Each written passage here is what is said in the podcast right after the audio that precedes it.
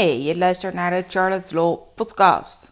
Dit is een opname van een van de video's, dus ook die kun je terugkijken. Elke dinsdag is er een nieuwe te vinden op YouTube. Charlotte, de social media jurist van Nederland. Ik krijg de laatste tijd van fotografen heel vaak de vraag wie nou verantwoordelijk is voor het tekenen van een quitclaim.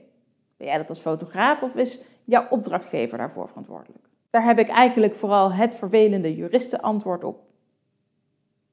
Namelijk, dat hangt er vanaf. Het hangt er simpelweg vanaf wat je afspreekt met je opdrachtgever. Je kunt natuurlijk als fotograaf aan je opdrachtgever aanbieden dat je foto's levert met een quitclaim. Is dat dan de quitclaim waarvan jij de inhoud hebt bepaald en de tekst? Of heeft jouw opdrachtgever daar de tekst van bepaald? Nou, als jouw opdrachtgever die foto's wil gebruiken, is dat de partij die ook het beste weet hoe ze het willen gaan gebruiken.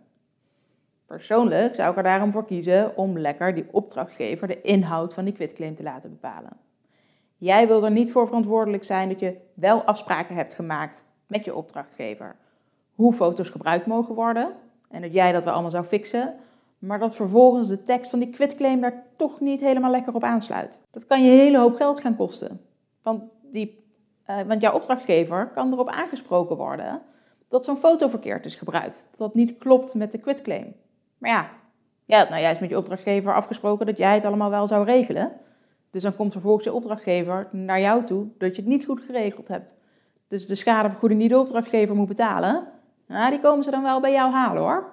Wees daar maar gerust op. Kortom, neem het risico niet. Lekker bij die opdrachtgever laten liggen. Maar ja, die foto's die je gemaakt hebt, die wil je misschien toch ook wel in je eigen portfolio opnemen. Als je afspraken aan het maken bent met geportretteerden, dan moeten zij zeker weten waar ze aan toe zijn.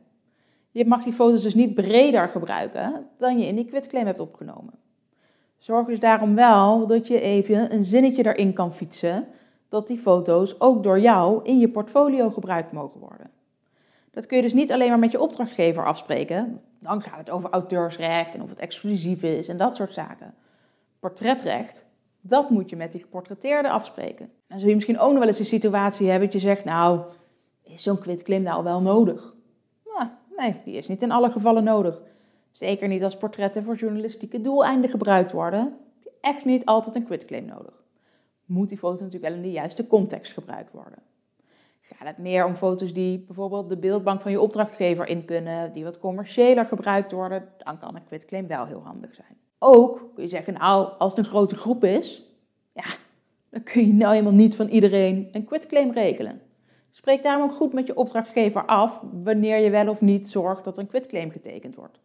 En dat jouw opdrachtgever dus altijd zelf ervoor verantwoordelijk zou blijven of en hoe ze die portretten gebruiken. Hetzelfde geldt bijvoorbeeld bij het idee dat sommige portretten um, eigenlijk geen portretten zijn, omdat iemand onherkenbaar in beeld is gebracht. Dat klopt, dan is het dus geen portret. Dan is er dus ook geen sprake van portretrecht en dan is het eigenlijk ook geen persoonsgegeven. Dus die foto's kun je dan gewoon gebruiken, toch? Maar wie bepaalt dan of iemand onherkenbaar in beeld is gebracht? Even een voorbeeld. Katja Schuurman maakte een advertentie, reclame voor de Gouden Gids. Daar werkte ze aan mee. Mooi geel pak, alsof het gemaakt was van bladzijden uit de Gouden Gids. In een bepaalde houding. Het pak had natuurlijk een bepaalde uitstraling. Dat typische krullende haar dat ze heeft. Nou, fantastisch. Hing overal in postkantoortjes, sigarettenwinkeltjes, dat soort dingen, zo in de ruit. Je ziet ze soms nog wel eens ergens hangen, waarbij ze helemaal uitgebleekt zijn. Toen kwam daar Yellow Bear van iLocal. Die wilden daar wel even op inhaken. Een parodie, dachten ze. Wat deden ze? Ze zochten een vrouw uit met een beetje hetzelfde figuur als Katja Schuurman, met een beetje hetzelfde soort haar. Daar maakten ze een pak voor dat van hun eigen pagina's was, was gemaakt. Dus ook een beetje dat gelige.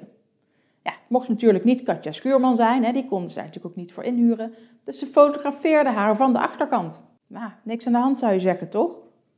Maar iedereen herkende die persoon wel als Katja Schuurman.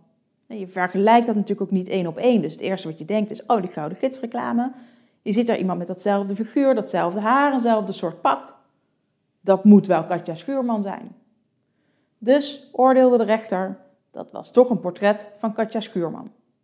Zo als je mensen in een grote groep fotografeert of van de achterkant fotografeert, dan kan het zijn dat mensen toch herkenbaar zijn. Dus bijvoorbeeld door de kleding die ze aan hebben, de locatie waar ze zijn, uh, omdat ze iets anders opvallends hebben. De context speelt daarin mee. Je kunt als fotograaf dus ook niet garanderen dat mensen onherkenbaar in beeld zijn gebracht. Doe die belofte daarom ook niet aan je opdrachtgever. Zeg vooral altijd: hier zijn de quitclaims, dit is wat ik voor je heb kunnen doen en verder ben je er zelf voor verantwoordelijk. Althans, daar zou ik voor kiezen.